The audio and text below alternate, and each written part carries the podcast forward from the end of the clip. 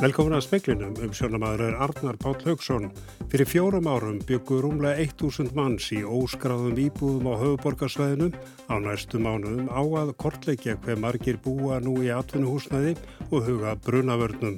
Sóttvarnarleiknir segir ekki annað mögulegt en að herða sóttvarnaraðgerðir ef fram heldur sem horfur og ástandi á landsbítalunum heldur áfram að þingjast.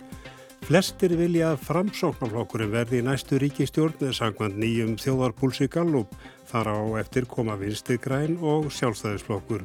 Tveggja daga réttaröldið standa yfir í Breitlandi þar sem bandarísk stjórnvöld reyna enn að fá Julian Assange framseldan vestra á hann æviland fangils yfir höfðu sér og bresku fjárlögum voru lögð fram í dag í anda björnsíni ríkistjórnarinnar þar en vaksandi verbulga gæti sett striki þjóðhagsreikninga næstun missera. Fjöldi fólks sem býr í óskráðum íbúðum endur speklar húsnæðistörfin í borginni. Þetta segir aðstofafástjóri húsnæðis og mannverkjastofnunar. Á næstu mánuðum á gangi hús og kortleikja búsetu í atvinnu húsnæði. Anna Guðmynda Yngvarstóttir aðstóða forstjóri húsnæðis og mannvirkjastofnunar stýrði starfsóp sem skipaður var eftir mannskjaðum bruna á Bræðaraborgastíði fyrra. Hún segi víða þarf að miklum umbótum í brunavörnum. Um 70% íbúðarhúsnæðis hafi verið byggt áður en viðmið þau sem nú gilda voru sett. Mjög margir Íslandingar búa í dag við miklu lakari brunavarnir heldur en, heldur en þeir myndi gera ef þeir bara áttu sig á stöðinni. Helst vant upp á útgöngulegðir og eigin brunavarnir eins og reikskinjar og slökkutæki. Í könnun slökkviliðsins fyrir fjórum árum var staðfest að rúmlega þúsund íbúar byggu þá á 310 stöðum í atvinnuhúsnaði óskráðum íbúðum. Ekkert bendi til að dreigið hafi úr því en þetta endur spekla líka húsnaðistörfina í borginni.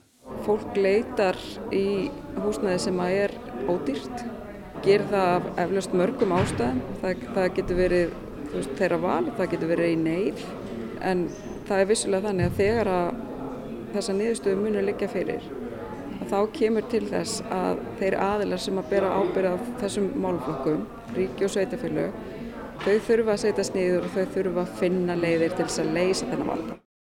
Þetta var Anna Guðmynda Yngvarstóttir og meira verið fjallað um þetta síðar í speiklunum. Tveir lögðust inn á Gjörgjæsudelda landsbítarans með COVID-19 í dag og eru nú alls þrýri með sjúkdómina í á Gjörgjæslu. Máur Kristjánsson, formaður farsóta nefndar spítalans, segir að það óþara bjarsín eða ætla sér að aflétta öllum takmörkunum innanlands eftir þrjár vikur. Ég held að það veri óræðins að bjarsíni að halda það að þetta væri allt sem að búið og uh, það er akkur það sem gerist þegar við afléttum öllum uh, hérna, hömlum og grímuskildu að þá náttúrulega blossar þetta upp af því það eru svo margir næmir ennþá. Hverjar eru helstu áskorunar hjá landsbytalanum núna? Já, það er að, manna þá starfsemi sem við erum með og náttúrulega að endur skipuleikja okkur ennit gangin. Uh, við erum með ebla viðbræðið á göngudeildinni og, og á, á smittsjútumadeildinni og síðan er eru núna akkurat í þessum töluðu voru þrýr einstaklingar á gjörgjæslu þannig að það þarf að, að, að endur skipuleikja þar líka. Þannig að þetta eru áskoraninnar mannskapurinn og húsnæði En eitthvað getur sagt að ræður spítan ekki við þrjá gjörgjæslu? Jújújú, jú, það, það er ekki málið. Eh, eh, það er hins vegar það að, að sko, það er mannafla frekara og þetta fólk er, er dreyið innan úr starfseminni sem hægir þá á annari starfseminni þannig að þetta er ekki það að við getum ekki synd þessu heldur bara verður an, annað að býða. Sagði Máru Kristjánsson, Anna Lilja Þóristóttir talaði við hann og meirum þetta mál sóttvarnalækni segir engar aðrar aðgeri mögulegur en að herða sóttvarna aðgerir ef framheldur sem horfur og ástandi á landsbítalunum heldur áfram að þingjast. Ekki að við tekist að ná utanum með bylgjusmita sem nú greinast. Við erum allavega ekki að ná tökum á þessu, við erum ekki að ná þessu neitt niður, þetta er svona hangir í þessu sama og Ef við skoðum þetta aðeins yfir lengri tíma núna síðustu vikur þá er kurvan greinilega upp á við og ég hef nú verið að benda á það bara ansi lengi og mér sýnist það að vera svona raunggerast og við erum áfram að sjá um það til 2% af þeim sem verða greinast þurfa að leggjast inn á sjúkrahús. Helbriðs yfirvöld sendu í dag út beðni til Helbriðs mentasfólks um að það skrái sig í bakvarðasveit líkt og gert var fyrir í faraldrinu. Engum vantar hjúgrunafræðing og sjúkralega til starfa á landsbítalanum. Þórólu segir að ef útlýtt sé fyrir að staðin sé að verða alvarleg muna leggja til hertar samfélagslegar aðgerðir. Það sé ég ekki annan möguleiki stöðunni ef að spítalinn getur ekki ráði við það hlutverk sem hann á að ráða við frekar en að lenda í einhver algjöru neyðar ástandi e, bæði með COVID sjúklinga og, og aðra sjúklinga líka þá heldur þau að menn þurfu alvarlega að taka afstöðu til skort að þurfu að grípa til samfélagsleira aðgerða til þess að reyna að bæla faraldurinn niður. Það er ekki annað í stöðinu. Við erum búin að bólusetja þorra þjóðverðinar og við sittum, ég er ekki vissum að við náum að bólusetja mikið meira en svo staðan er núna. Þannig að eh, mikið það bara rekna hvað er eftir til að gera. Þetta var Þórólu Gunnarsson og Kristín Siguradóttir tók pistilinn saman. Framsóknarflokkurinn er sá flokkur sem flestir vilja að sitja í ríkistjórn sangvand þjóðarbúsi Gallup. Þar á eftir koma vinstri græn. 77% nefndu framsóknarflokkin og 72% vinstri græn. Sjálfstæðisflokkurinn er sá þriðji en 57% vilja flokkin í stjórn. Stuðningur við stjórnaflokkana þrjá hefur aukist sem eða við síðustu könnun sem að gerða eftir alþingiskostningar 2017. Færri nefndu stjórnarandstöðu flokkana 5. 34% vilja samfélkinguna í ríkistjórn, 28% nefndu pírata, 26% viðreist, 23% flokk fólksins og 8% vilja miðflokkin í ríkistjórn. Karlar vilja framsóknarflokkin frekar í ríkistjórn en konur og eins vil eldra fólk flokkin frekar í stjórn en það yngra. Þá eru þeir sem hafa hæstar tekjur og fjölskyldu líklegastir til að vilja hafa framsókn við völd. Þegar spurt var hvaða flokka samsetningu fólk vildi í ríkistjórninni, vildu flestir, eða yfir þriðjungur kjósenda, hafa núverandi stjórnaflokka áfram. 44% vilja aðra samsetningu ríkistjórnar. Könnunin var gerð 1. til 12. oktober, heldarúrtakið var 1629 manns og þáttöku hlutvall var 52,9%. Dagni Hulda Erlestóttir saði frá. Tveggja daga réttarhöldu hóist í dag fyrir áfríunarétti í Lundunum þar sem lögumenn bandaríkastjórnar freista þess að fá Julian Assange framseldan, hann á ævilangt fangilsi yfir höfðu sér, fyrir að hafa byrt þúsundur leyniskjala fyrir áratug. Lögmenn bandaríkjastjórnar reyna að fá nekt ákvörðun umdæmistómara í Lundunum frá því í janúar um að Assange verði ekki framseldur vestur um haf þar sem hætta sig á að hann sviftis í lífi í bandarísku fangelsi. Fram kom meðal annars í máli þeirra í dag að sálfræðingur Assans hefði afvega leti dómaran með vitnusspurði sínum og að bandaríkjamanum hefði ekki verið gefin kostur á að koma með mótrögg. Hart er sótt að breskum yfirvöldum að framselja Assans. Hann er sakaður um að hafa stemt lífi bandarískra hermana í hættu þegar Wikileaks, uppljóstrunarvefurinn sem hann stopnaði, byrti þúsundir leyniskjala og myndskeið sem síndu meðal annars bandaríska hermenn skjóta íraska almenna borgara úr þyrlu. Assange hefur verið í Belmaris öryggisfangilsinu í Lundunum frá árunni 2019. Óskum um að hann verði látin laus gegn tryggingu hefur verið sinjað.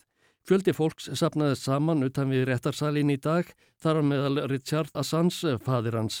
Hann sagði í viðtali við fjölmiðla að sonur hans væri ekki við sem besta helsu en baráttu hugur hans væri hins sami og áður. Ásker Tómasson sagði frá. Dýrar tafir gæt orði á byggingu hjókrunaheimilis á höfni í Hortnafyrði, fjármál og heilbreyðisraðunitið leggjast gegn því að lægsta tilbúðu verið tekið en það var yfir kostnar á allun. Lengi hefur staðið til að byggja nýtt hjókrunarheimili á Hortnafyrði og átti það að verða tilbúið á þessu ári. Laungu var orðið ljósta, það næðist ekki, en nú er útlitt fyrir enn frekari tafir. Tvö tilbúð bárust í verkið og var það lægra frá húsheild 18% yfir nýjustu kostnaðar áætlun. Framkvæmda sísla ríkisins bar málið undir heilbreyðisraðunetið sem leitaði umsagnar hjá fjármálaráðunetinu. Eftir það lagði heilbreyðisraðunetið til að báðum tilbóðum erði hafnað og leitaði leiða til að draga úr kostnaði við framkvæmdina. Bæjarstjórn á Hortnafyrði er ekki sátt við það og samþykti bókun þar sem afstafa ríkisins er hörmuð. Verkefnið hafi dreyjist fram úr hófi og á sama tíma hafi byggingarkostnaður hækkað verulega meðal annars vegna heimsfaraldurs. Sveitarfélagið Hortnafjörður hafi nú þegar greitt tæpar 200 miljónir í undirbúning sem hafi komið niður á öðrum nöðsynlegum verkefnum. Fram kemur í bókuninni að framkvæmda sísla ríkisins sé að skoða hvaða leiðir séu færar án þess að bjóða þurfi út framkvæmdina á ný. Bæjarstjórn skorar á þingmenn og ráðherra söður kjördæmis að styðja sveitarfélagið Hortnafjörð í að framkvæmdinn hljóti framgöngu án frekari tafa. Rúnarsnæður Einarsson saði frá. Næstu mánuðina á að kortleggja hver margir búa og hvar í atvinnuhúsnaði borginni. Gengi verður í húsi yðnaða hverfum og rætt við íbúum brunavarnir og félagslegar aðstæður þeirra. Slökkvilið á höfuborgarsvæðinu leiðir verkefnið í samstarfi við Sveitarfélagin og Alþjóðsamband Íslands. Markmið eh, verkefnisins er að einmitt skoða, kortleggja hver er raun staða, hvort þetta sé uh, harmleikur eins og við erum öll að ímynda okkur eftir brunanum í fyrra eða staðan er ekki það slæmt. Við þurfum bara að sjá til hvað við getum gert í þessu og hvað, bara kortleggja það. Hvað ætlum við að vera lengi að þessu? Þetta er tilturlega umfangsmikið verkefni en við ætlum að byrja á hófiðborgarsvæði og við erum að gefa okkur til að byrja með þrjá mánuði. Ég vona að við getum klárað það ekki setna heldur en eftir fjóra mánuði af því að það er meira sem býður eftir segir Alexandra Lenardsdóttir hjá Alþjóðsambandinu. Frum ástæðan er alltaf að eh, reyna að fá tilfinningu fyrir fjöldanum sem að býr í aðtunumhúsnæði. En megin ástæðan fyrir þessu er að, að finna einhver grundvöld svona viðspilnu til þess að hafa áhrif á stjórnvöld og löggegavaldi til þess að breyta lögum og reglgerðum. Þannig að það verður bara viðkend að fólk má búa í aðtunumhúsnæði og öllum þeim sem þar eru bæði eigandum eftirlisæðlum verið gælt auðveldra að tryggja öryggi þeirra sem þar búa. Jón Viðar Mattíasson slökkvölistjóri segir að sameinlegt markmið allara sé að fólk hafi öruga búsettu.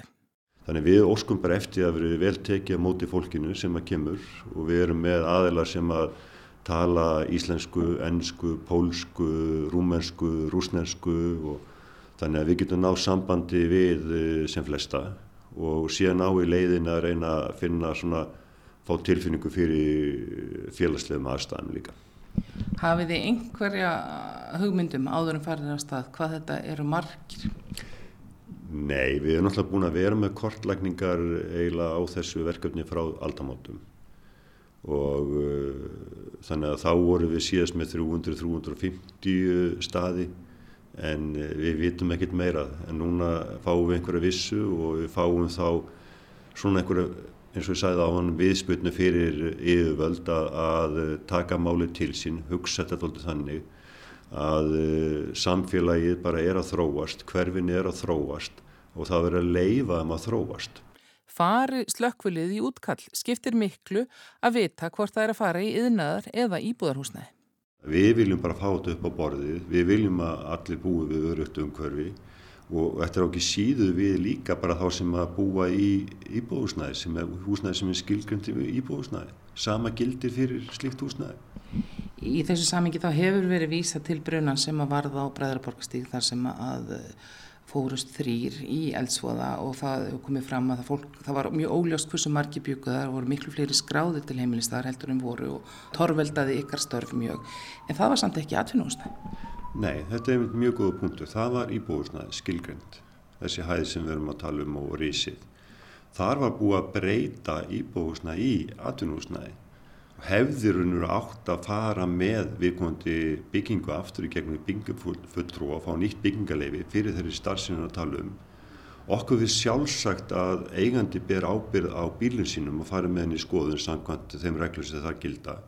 Okkur finnst líka sjálfsagt að eigandi fyrir að breyti bílum að hann fari með bílinn í breytingarskoðun okkur ætti að þýða að jafn sjálfsagt að eigandi húsnæði skeri slíkti saman. Þetta er ekkert einfalt verkefni því að hefur þetta margóft komið fram og mjög margir af þeim sem búa í atvinnu húsnæði þetta er fólk sem er að elendu bergi brotið, tala kannski ekki íslensku og mögulega bregðu bara mjög við þegar að hérna kem bankar einhver, knýr einhver dyr að spyrja hver er þú og hver er þú að gera þér?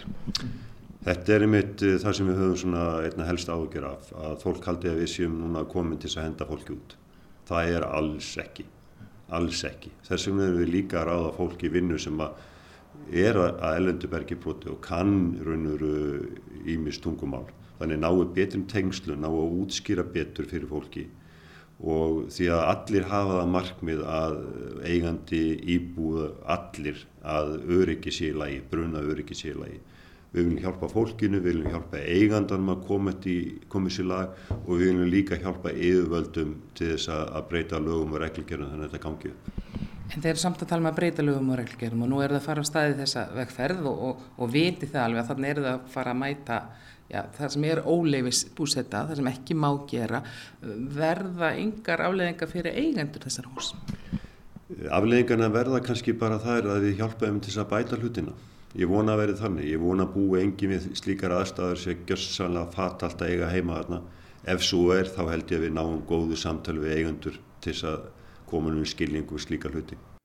Þáttaka slökkuleysins skiptir miklu, segir Aleksandra. Fyrst og fremst það var lagt í upphafi að tilkynna verkefni vel þannig að það er búið að setja upp vefsíru sem er þýtt á sex tungumálum og svo uh, eftirlýsfulltrúar sem verða á veðvangi mun að dreifa bæklingum með sama upplýsingum til þess að undirbúa fólk undir komu okkar.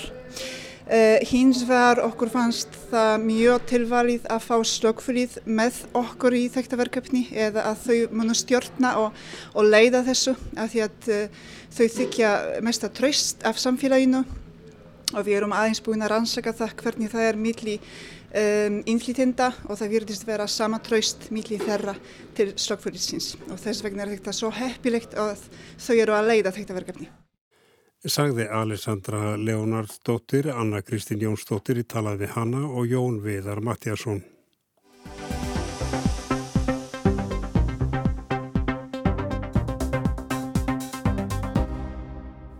Að jafnaði hafa landsmenni skráð sig 430.000 sinnum á mánuðin á heilsuveri á þessu ári. Notendur í ár er um 250.000, mikill meirulhutti landsmanna. Heilsu vera veru vefurinn hefur komið í veg fyrir að símkerfi heilsu gæslunar fær á hlýðana í faraldrinum. Þetta segir auður Haraldstóttur verkefnastjóri rafræðna heilbreyðislausna hjá landlækni sem bætunum. Stafræðin heilbreyðistjónustað sé framtíðin og að aukin þjónustað sé bíker í heilsu veru. Ég held að heilsu vera hafi hjálpað mjög mikið til þess að bregðast á réttan máta við faraldrinum. Þegar að fólk stóð uppi vantaði upplýsingar við vissum lítið um þessar nýju veiru til þess að, að geta bara haft þennan öruga rafrana aðgang að heilbriði starfsfólki gegnum örug samskipti þar sem hún sendir fyrirspur til heilbriði starfsmanns í gegnum heilsuveru og getur hengið svar að það hafi komið vekk fyrir að uh, símkerfi heilsugjastluna hafa bara hreinlega lagst á hliðina. Og við sáum fljótt að við þyrtum að reyna að bæta hratt í nýja lausnir. Þannig er hægt að sækja niðurstuður sínatöku, jákvæðar eða neikvæðar, sækja um vottorðvegna sóttkvíjar, fá upplýsingar um bólusetningar, panta hraðpróf og ymislegt annað tengt COVID-19. Og fyrir utan COVID eru livjaendur nýjanir vinsalastar á samt örugum samskiptu við helbreyðsstarfsólk í gegnum gáttina og netspjall við hjúgrunavakt. Svo nýta þungaðar konur heilsuveru talsvert í tengslu við maðuravernd. Laungum hafa konur leitað meira í helbriðistjónustu en karlar. Í Danmörku tóku tvö tryggingafélag upp á að bjóða fólki að fá samband við lækna, sálfræðinga og næringarfræðinga í gegnum síma eða tölvu og þá tóku karlmenn við sér og eru þeir nú meira en helmingur þeirra sem að nýtir sér þá fjartþjónustu. En hingað heim, hverjir nota helsuveru? Nótkunnin á helsuveru almennt hefur aukist gríðarlega mikið í COVID-19 og til dæmis að uh, árið 2020 þá voru 70, tæp 70% allra Íslendinga 16 ára eldri sem notuði heilsuveru á einhverjum tímapunkti og þetta hefur bara aukist. Það sem af er þessu ári hafa 247.000 Íslendingar notað heilsuveru. Kynjamismunurinn að þá ef við tökum til dæmis uh, júnimánuð að þá voru 55% þeirra sem notuðu helsuveru konur og 45% karlar.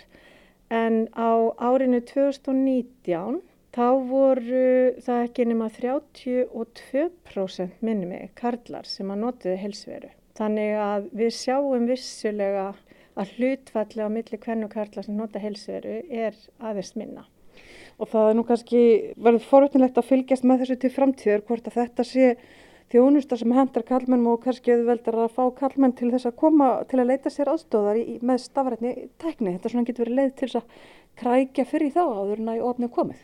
Einmitt bara fyrir alla. Þetta er framtíðin. stafræn helbriðishjónusta að virka einstaklinga til að vera meiri þáttakendur í eigin meðferð, valdefla einstaklinga í gegnum auknar upplýsingar, bæði um eigin sjúkdóm og meðferð og við erum að þróa heilsuveru uh, meira og í þá átt að við erum til dæmis núna á næsta ári. Þá munir rannsóknarniðurstöður verða aðgengilegri gegnum heilsuveru Við erum að vinna því að tilvísanir og uh, staða á bygglistum verði aðgengilega í helsveru að þá mun fólk sem að er að býða eftir ákveðinu meðferð geta séð hvort að búa að senda tilvísun og svona kannski reiknað út sirka hvar það er á bygglista eftir til dæmis ákveðinu aðgerð eða ákveðinu meðferð. Við erum líka að horfa til þess að það þarf að nota rafranskilriki til þess að nota helsveru og við vitum að það eru ekki allir sem eru stakkbúnir til að nota rafranskilriki eins og uh, til dæmis fatlaðar einstaklingar, við erum með langveik börn, það er aðgangur foreldra að helsuveru sinna barna upp að 16 ára aldri. Og það er bara út frá lögum um heilbriðistjónustu og barnasáttmálar saminu þjóðuna sem að segir það að börn verða sjálfstæðir þegar innan heilbríðiskerfi sinns þeir vera 16 ára. Þannig að þess vegna lokast fyrir aðgang fóreldra við þann aldur. En langveik börn þurfa náttúrulega sannlega á hjálp fóreldra sinna að halda aldraðar einstaklingar aðstendenda fatlaðir. Þannig að við erum að vinna í því að finna leið til þess að umönnunar aðilar geti fengið aðgang að helsuveru þeirra sem þeir eru að sjá um Auður gerir ráð fyrir að það geti orðið á næst ári en fyrst tarf lagabreitingar til og þá á að þróa þessa stafrænu heilbriðistjónustu en frekar. Að það nýjasta núna eru spurningalistar í heilsuveru og það er búið að taka þá upp á heilsugjastlu stöðum að hluta til og er verkefni sem við erum að vinna með krabbaminnsteilt landsbítalans. Það eru þessar spurningalistar sem hægt er að senda úr sjúkarskrafkerfinu og yfir í heilsuveru. Sjúklingur eða einstaklingur svarar spurningalistanum í heilsuveru, sendir svarið inn í sjúkraskrána sjúkraskráin hún reiknar sjálfkrafa út ákveðu skor út frá spurningalistum. Þannig erum við að tala um svona gaggreinda spurningalista til dæmis í krabbaminnstjónustinu þá er þetta varðandi verki og ógleði. Þetta getur verið varðandi svona kannski þunglindi og ímislegt annað. Ef að fyrirfram skilgreint skor sem er búið að segja sjúkarskrarkerfin að þurfa að vakta og þá flaggar það upp ef einstaklingi til dæmis í krabbaminsmeðferð viðkomandi er með mikla ógleði og vanlíðan að þá flaggast í sjúkarskrarkerfinu svar frá sjúklingi sem líður svona illa. Hjúgrunafræðingurinn hefur þá samband við sjúklingin í gegnum heilsuveru eða ringir ef að þannig stendur á. Eins er hægt að senda fræðsluefni í framhaldi af svörum á spurningalistanum og fleira stendur til. Þeir til dæmis sem eru skráðir í ákveðna meðferð, þeir fá yfir sín, yfir sína meðferð inn í heilsuveru. Þá kemur bara upp mín krabbamessmeðferð, mín síkusíkismeðferð, mín hjartameðferð eða bara mín helsueflandi meðferð. Það, við mögum ekki gleyma því að við getum líka nota helsuveru til þess að, að íta undir og bæta lífstíl. Sagði auður Harðardóttir, Ragnhildur Tólarsíus, talaði við hana.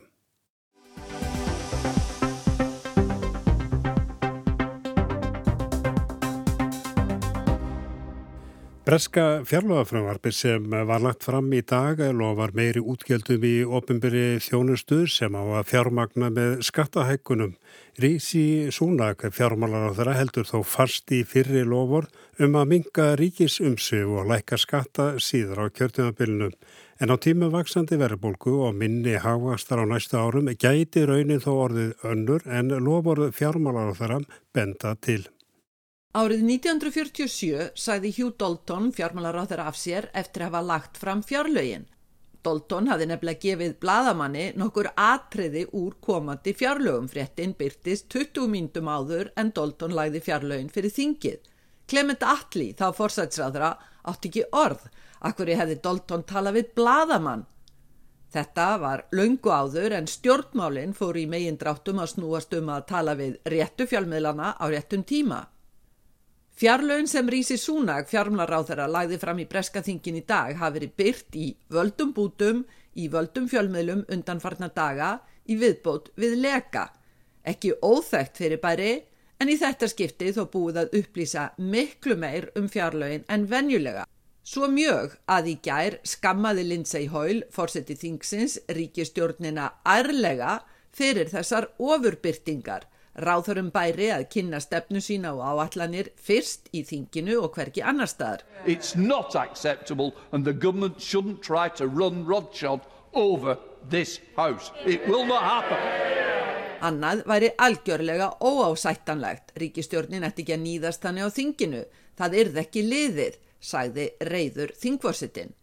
Emit vegna allra þessara tilkynninga og leka hafði líka frest að Tótt Bjart síni sem Boris Johnson fórsætsráð þeirra hamrar gjarnan á væri slegin í fjárlónum. Og mikið rétt, þetta var tótnin strax í fyrstu orðum fjármálaráð þeirra þegar hann lísti stöðunni. Employment is up. Investment is growing. Public services are improving, the public finances are stabilising, and wages are rising. Aukin atvinna, vaksandi fjárfesting, ofinber þjónusta fyrir batnandi, ofinber útgjöld ná stöðuleika og laun hækka, sagði Sigur Hreyfur Súnag við mikinn fögnu þingkeims. Fleira vakti fognuð fyrir framhauðu glúrnir fréttamenn tekið eftir að Johnson og Sunak ætluði heimsækja brugghús eftir fjarlæga umræðurnar, giskað á að þetta þýtti lækkun áfengiskjalds. Sem og varð, innföldun áfengiskjaldakerfisins hækkun á sterku áfengi, annars lækkun. Sunak myndi á að freyðivín væri nú framleitt í vaksandi mæli í Englandi og gjald á því nú lækkað til japs við léttvín sem gaf Súnak tækifæri til að koma að viðlægi fjarlagana allt hægt að því Breitland hefði gengið úr ESB. And they are only possible because we've left the European Union. Súnak nýtti á að uppsveifla myndi nýtt í útgjaldaaukningu, herri framlög til allra ráðuneyta, vöxtur og viðgangur greitur af skottum, Fjárfestingi, mentun, innviðum og jöfnun aðstöðmunar landslutana eitt af stóru lofordum Johnsons. Framlög til umhverfismála einni á dagskrá, Súnak lofar láleinafólki batnandi lífskjörum því umdeilt félagsbóta læk og nýlega er að litlum hluta dreyin tilbaka. Kjör Starmer leiðtói verkamannaflokksins að þótt að svara Súnak en greintist í dag með COVID. Svörinn komu því í hlut Rachel Reeves, fjármálaráð þeirra efni flokksins Hún gerði mikið úr vanemdum lovorðum, villuráfandi og margsaga stjórnar. Sunak og Johnson var eins og götulottarar sem ræna fólk. Forsætsráð þeirra rugglaði fólk í rýminu með gölnum lovorðum en á eftir kemi Sunak eins og vasaþjófur allt virtist glens og gaman en í millitíðinni væri buttan horfin. The Prime Minister is the front man, distracting people with his wild promises. All the while, the Chancellor dips his hand in their pockets. It all seems like fun and games. Verbolgudraugurinn er aftur komin á kreik, spáð 4% verbolgu og hann torveldar fyrirætlun Súnags. Vissulega hagvastarkippur eftir COVID-lokanir nýbúið að hækka spána fyrir árið úr 4% í 6,5%. Eftir það slælægri vöxtur en var fyrir veirufaraldurinn. Og þó Súnag lofi íhalsmönnum minkandi ríkisumsvifum og lægri skottum má efast um að kjörtímabilið dýjónum til þess. Og það versta, stöðnun ráðstöfnartekna frekar en hagspót eins og ríkistjórnin lofar. Bjart sínistalið og peningar í eftir mögulegt stangast á við það sem atvinnureikandur og almenningur finna fyrir. Skortur á vinnuafli, hráefnis og vöruskortur af öllu tægi og gríðarlega hækkun framfæslukostnaðar. Breytingar Súnags á félagsbótum koma aðeins vinnandi lálaunafólki til góða, ekki þeim sem aðeins hafa félagsbætur sér til framfærslu. Þeirra hagur hefur stað í stað í halva öld. Það er því veruleg áhald um að þrátt verið lægra freyðivínsverð muni brettar finna fyrir bættri afkomu of margt ansnúið í þeim efnum, ekki síst vaksandi verbulga. Sigrún Davistóttir saði frá og við ljúkum speiklunum á östuttu veðri, austan og norðaustan 5-13 á morgun en 10-8 á norðvestan til. Víða regning með köplum en úrkomu lítið um söðu vestanvert landið. Hversir heldur á annað kvöld hiti 1-8 stig mildar síðst og tæknumari kvöld var Magnús Þorstein Magnússon veriði sæl.